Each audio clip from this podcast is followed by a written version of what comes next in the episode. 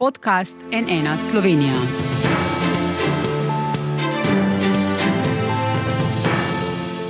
Dobar dan, to je NN studio. Polfinale predsedniške tekme je za nami, čez tri tedne sledi še veliki finale, drugi krok, v katerem se bosta pomerila Anžel Logar, ki je zbral skoraj 34 odstotno podporo, in Nataša Pircmusar, za katero je glasovalo nekaj manj kot 27 odstotkov voljivk in voljivcev. Kaj se je včeraj pravzaprav zgodilo? Kdo je v tej bitki interpretaciji pravi zmagovalec, kdo se spreneveda, kaj bo odločalo o drugem krogu? O tem z odličnim poznavalcem številk in razmeri moči, z Andražem Zorkom, ustanoviteljem in partnerjem v družbi Valikon. Dobro dan, dobrodošli. Dobar dan. Gospod Zorko, na prvi pogled se zdi, da so ankete kar dobro napovedale sinočni rezultat, razen morda pri kandidatu Levice Mihi Kordišu, ki mu je kazalo nekoliko bolje. Je ta prvi vtis točen? Je, mislim, jaz sem seveda zdaj govoril iz čiste korektnosti do vseh ostalih, predvsem o naših rezultatih. Mi smo edina agencija, ki je napovedala pravilen vrstni red, na kar smo še posebej ponosni. Tudi tisti razpon, ki smo ga objavili v petek zvečer, kaj je minimum in maksimum pri posameznem kandidatu, se je izkazal, da pravega. Razen kot ste imeli pri Mihi Kordišu, smo pa to pojasnili za današnjo tako post-pol analizo, kjer smo anketirance, ki so včeraj volili, vprašali, koga so dejansko volili, pa seveda, če je bil ta kandidat njihova res prva izbira, temu rečemo ekspresivni glas.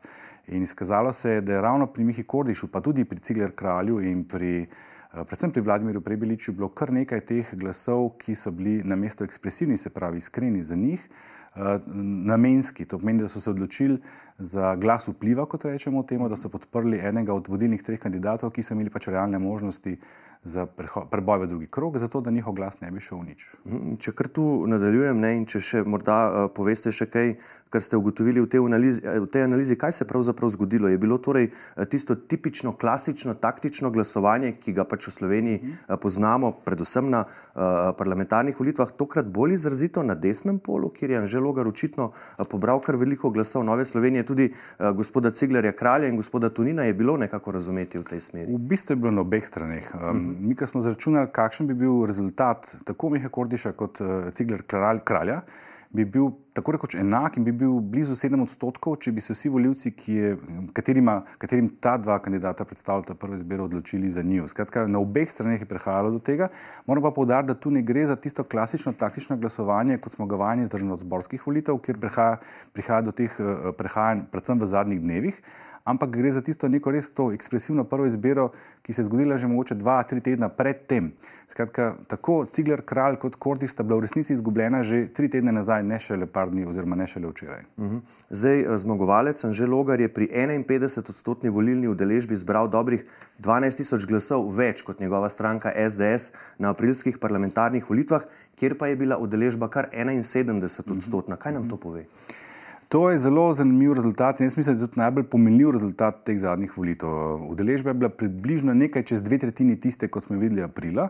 Anžel Logar pa je pri tej udeležbi uspel sam zbrati 12 tisoč, 13 tisoč več glasov kot njegova stranka oziroma stranka, iz katere prihaja. To je zelo dober indikator, Eh, kaj pomeni ta radikalizacija te stranke v zadnjih letih, ki ima zaradi tega tako omejen domet, da tudi takrat, ko imamo tako rekoč rekordno volilno deležbo, ne preseže standardnega svojega standardnega dometa, medtem ko je pa že to logori to uspelo že v prvem krogu teh volitev. Mhm. Kaj pa, če recimo njegov rezultat eh, primerjamo z rezultatom eh, Romane Tomc, prav tako formalno neodvisne kandidatke s podporo SDS leta 2017? Ne, takrat je v veliko hujši konkurenci v predsedniku Pahorju, uh mhm. -huh. ki je kandidiral za drugi mandat, je bil tu še Marjan Šarec, ki je prvič v bistvu takrat nastopal uh mhm. -huh. v državni politiki. Recimo Romana Tomc je takrat zbrala 13,7 odstotka glasov oziroma slabih 103 tisoč glasov. Poleg nje bi tu in ostalih, ki ste jih omenili, bi tu omenil še Ljudmilo Novak, ki je tu uh -huh. takrat kandidirala. Takrat, bil, takrat so bili glasovi bistveno bolj razpršeni. Kot se jaz spomnim tiste kampanje, ni bilo tako aktivnega pristopa strani njene stranke, bila je bolj proforma, kot pa da bi si zares želeli, da Romana Tomc uh, pride v drugi krok. Jaz mislim, da je takrat bila, da bi bil glavni cilj predvsem to, da je boljša od Ljudmile Novak. Uh -huh. Um, bil je pa tudi ta moment šarec, kot ste sami omenili. Šarec je takrat se prvič pojavil na prizorišču z neko retoriko, jaz nisem ne lev, ne desen, oziroma sem lahko eno in drugo. Poleg tega, da smo imeli predsednika Pahorja, ki je že takrat združeval glasove tudi z desne strani. In je takrat že skoraj v prvem krogu zmagal, malo, malo je manjkalo. Zdaj, sinoči sem se v Logarjevem štabu s kolegi novinarji šalil, da je edino vprašanje, ki je v bistvu enako kot na vseh parlamentarnih volitvah, to, ali bo prišel in kdaj bo prišel Janez Janša, ali bo kaj povedal, če bo kaj uh, povedal. No, na koncu je prišel, uh, ker je bil povabljen uh, strani Anžeta Logarja, povedal ni ničesar, vsaj za javnost ne. Je bila poteza, da Janša v kampanji ne sodeluje, potem pa se uh, pojavi v štabu dobra. Um, moje mnenje je, da glede na ta rezultat, ki smo ga videli včeraj, ki ga je dosegel že Logar, um, glede na to, koliko se je v tem obdobju v to kampanjo umešalo, da tako rečem, Janez Janša, je, da manj kot bo Janša sodeloval v tej kampanji, bolje za Žeta Logarja. Anžel Logar je eden redkih, če ne celo edini iz te stranke, ki lahko preseže standardni okvir, standardni krok voljivcev te stranke, kar je nedvomno včeraj dokazal. Um, bolj kot se bo Jan Janša oglašal in očitno se bo, ker se je oglasil že danes za neko retoriko, ki spominja na neko, neko drugo retoriko, ki smo bili zadnje čase priča, pa ne v tej kampanji, slabše bo za Anžeta Logarja. Namreč uh, ne, da Anžeta Logarja zaradi tega ne bi uspelo pridobiti več drugih glasov. On, on je sposoben dobiti še kar nekaj glasov izven tega njihovega standardnega dometa. Ne na zadnje lahko računa na več ali manj vse glasove, ki so podprli Cigler kralja. Škodovalo mu bo v tem smislu, da bo Janša s takšnim pristopom, s takimi izjavami aktiviral bazo levo od sredine, ki bo takoj zaznala ta moment, ta anti-Janša, anti-SDS moment in prišla na volitve, da si ravno Nataša Pirc-Musa ni njihova prva, morda niti ne druga izbira, ampak mm. bodo pa s tistimi zubi to vse naredili. In to je ravno to, česar si želi predsednik vlade Robert Golob ali lahko Anžel Logar v drugem krogu uh, dejansko zmaga. To bo potem v nadaljevanju. Zdaj pojdiva še malo na levi pol, ker zanimivo je bilo poslušati v bistvu včeraj Roberta Goloba, kako je v pričo vidno potovčenega Milenega, Milena Brgleza razlagal, kako je zadovoljen, kako je leva sredina zmagala, kako uh, gre za ponovljen rezultat z aprilskih parlamentarnih volitev. Seveda ni edini, ki takole vratolomno zdaj išče svojo interpretacijo rezultatov, ampak bova v drugih še kasneje. Kako velika zaušnica je v bistvu bistvu to za goloba in vlado? No, če, če bil včeraj prevladujoči um, sklep, da gre za kar velik porast Mirana Brgleza oziroma obeh vladajočih strank, je bil eden od sklepov tudi, da gre tudi za kar velik porast Roberta Goloba. Jaz, uh mhm. -huh. Zato me te izjave ne presenečajo. Pač treba je zdaj to zgodbo nekako drugače obrniti z njihovega vidika. Lahko upajo na to, da bodo te izjave čez dan, dva pozabljene.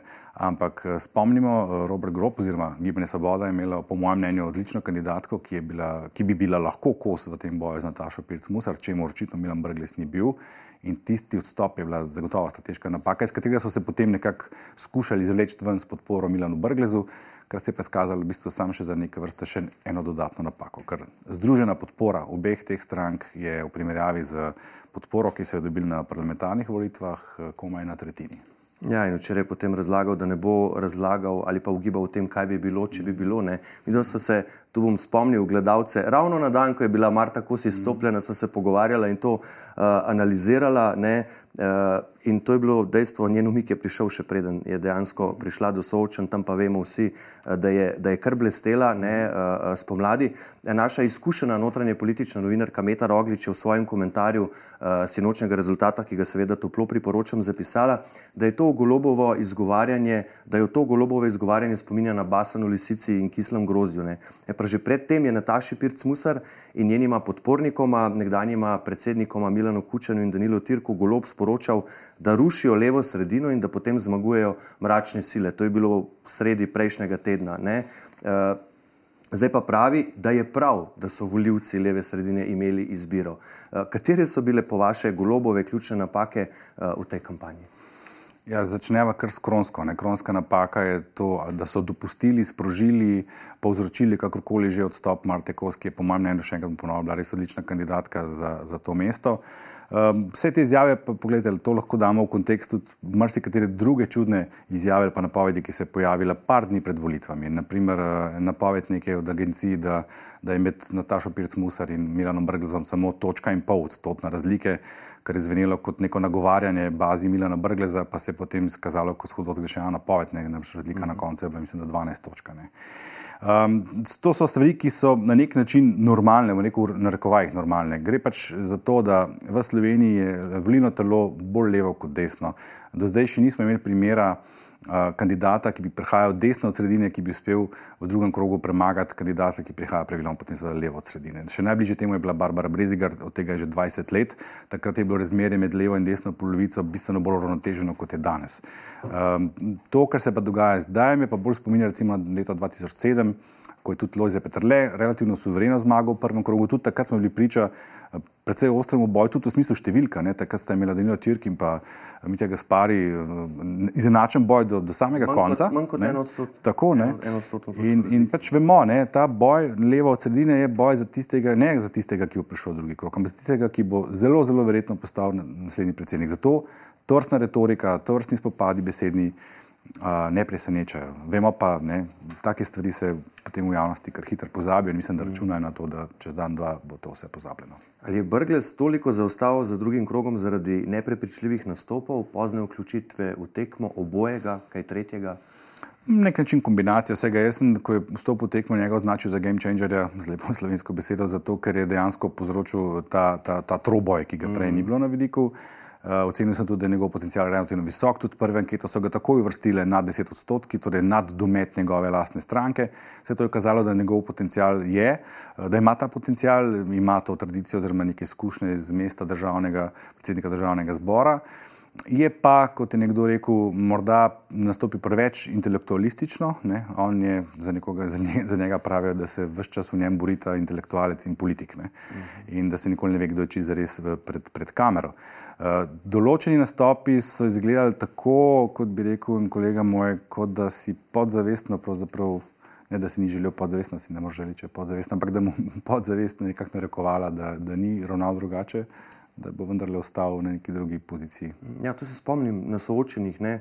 So bila kakšna vprašanja, ki se jih je dalo, bom rekel, zakomplicirati, na dolgo odgovarjati, ampak kakšna so bila pa tako jasna, ampak je Brgle za vseeno uspelo uh, tudi uh, te odgovore nekako uh, precej podaljšati, nekako zakamuflirati bistvo, zakomplicirati. Uh, če gremo naprej še k drugim uh, kandidatom od uh, četrtega mesta naprej, se vi strinjate s tezo nekaterih analitikov, da bi bil Vladimir Prebelič četrto vrščeni v bistvu odličen rezultat, prek 10 odstotkov je šel.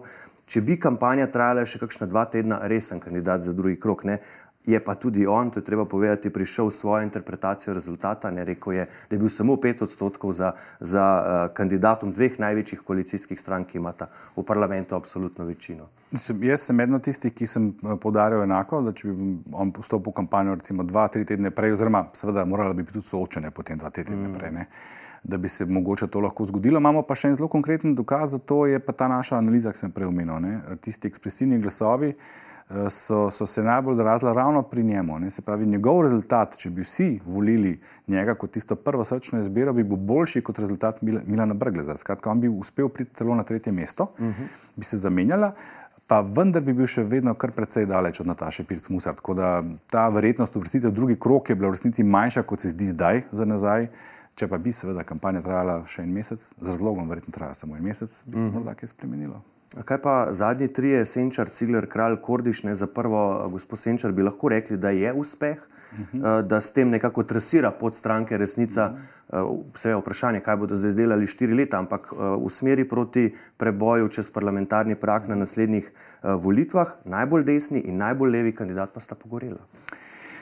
Pogorela sta v smislu, da sta oba zaostala za politično novinko, za predstavnico uh, anti-anti stranke, ki je povrh vsega še izven parlamentarna. Ona dva sta pa predstavnika, zdaj že lahko rečemo tradicionalno, tudi za levico parlamentarnih strank. In z tega vidika je ta poraz boleč, mhm. da jo pre, prehiti do včeraj neznana kandidatka. Uh, za njo pa spet velja to, kar sem že vodila pomenil, tudi ona dva bi imela boljši rezultat, ne bi bila na zadnjih dveh mestih, če bi če se ne bi, zgodilo, ne bi zgodil ta premik teh ekspresivnih k namenskemu glasovanju. Uh, vendar s tem bi morali računati že prej. Uh, Cigler kralj je vstopil v boj, potem ko je že bilo jasno, da je Anžel Ogr kandidat. Miha Kordiš je vstopil v boj, ko je že bilo jasno, da je prišel tudi Milan Brgles tekmovati. Ti dve stranki bi morali biti dovolj pametni in strateško modri, da bi ugotovili, da to pomeni prelivanje glasov od enega k drugemu, se ve, od koga k komu. In bi morali računati s tem. Morda so pa vendarle podcenjevali eh, Sabino Senčar, morda so računali takrat še na eh, odstopljenega oziroma eh, ja, izstopljenega Bezenškega mlajšega, mm -hmm. da, da, da ne bo sta zadnja. No, bomo... To je kar njihova krivda, to sem hotel povedati, mm -hmm. slab premislek. Kaj bomo zdaj gledali v drugem krogu, kako se bodo prelivali zdaj ti glasovi, bo taktika desnice, da čim več ljudi ostane doma, kaj sploh lahko prinese, že to logarju zmago. Ne? Nataša Pirc-Musar zdaj govori o spopadu vrednot, Logar in Janša pa o spopadu vizij. Zdaj, drugi krok, tako čisto empirično gledano, ne, vedno, vedno ta udeležba pade za nekih 5-6 odstotnih točk. Tokrat smo imeli v prvem krogu nekoliko više. Se pravi, če bomo končali nekje pri deležbi 45 odstotkov, potem Anžel Logar, po mojem mnenju, ne bo imel dovolj glasov, čisto empirično gledano, je ta, ta bazen premajhen, da bi presegel 50 odstotkov. V tem primeru bi bil verjetno rezultat nekje 55-45 za Natašo Pirc-Musar. Skratka, edina možnost, da Anžel Logar pride čez 5 odstotkov, je znižati to udeležbo strani leve sredine, se pravi demoralizirati eh, voljivce na drugi strani, kar pa bo izredno težko, sploh po prvi izjavi, ki jo je danes Jan Šadal, ko že obtožuje Natašo Pirc-Musar, da je kako že varovanka ali kako že um, davčnih vlastnikov. Ja, ja, da ohranja vrednote davčnih vlastnikov. Tako, da ohranja vrednote, da ne, ne, ne vrednote pretvori, da ohranja vrednote davčnih vlastnikov. To je že prvi zanesljiv znak, zanimivo, ironično morda, retorika, ki je zelo podobna, kot je uporabil Milan Brgles na kongresu SD, ko je označil za zagovornico tranzicijskega kapitala, ker uh. -huh. ne, tranzicijski kapital je kje v davčnih oazah. Skratka, to me je mal, mal presenetilo.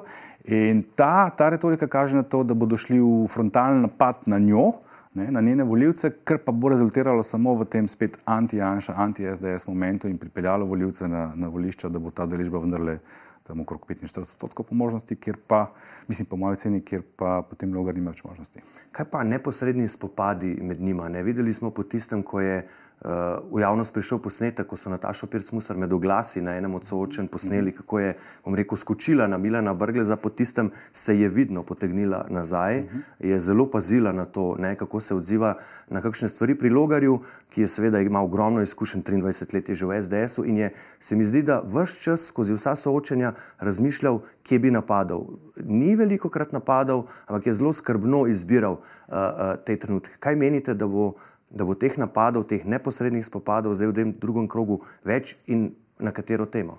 Zdaj, oba sta v svojih izjavah napovedala, da, bo, da bosta še naprej dostojna in spodobna, in tudi oba sta taki osebnosti, da bi to od njiju pričakoval.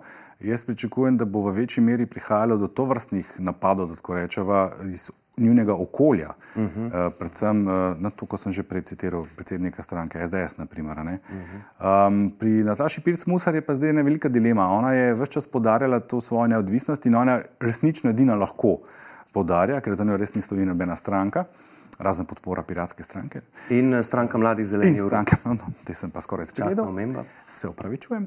Um, zdaj, v tem trenutku, ko je, ko je samo še ona ostala strani levo od sredine, ne, bodo vsi ti mediji, ki so jo prej napadali, in vsi ti centri moči, ki so jo prej napadali, bodo nekako utihnili. Ne? Ne, ni rečeno, da jo bodo podprli, bodo pa se pasivizirali.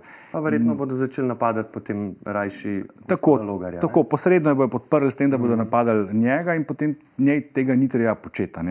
Mora pa ona pri tem ohraniti to distanco. Ne? Namreč jaz mislim, da je ona pa tudi kar nekaj voljivcev pripričala, da je res neodvisna kandidatka in da, bi, da so to voljivci, ki si želijo nekih novih, nekih novih politikov, novih obrazov, ki niso tradicionalno levi ali desni in jih seveda s tem ne sme odgnati. Ne. Uh mhm. -huh.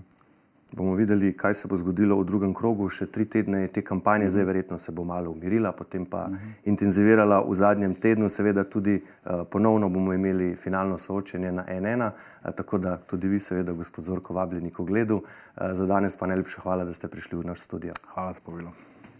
Hvala pa tudi vam za vašo pozornost. Seveda vsi rezultati in tudi druge analize in komentarji, eh, odzivi na sinočne rezultate predsedniških volitev najdete na naši spletni strani nnainfo.si. Studija pa le še lepo zdrav in nasvidenje.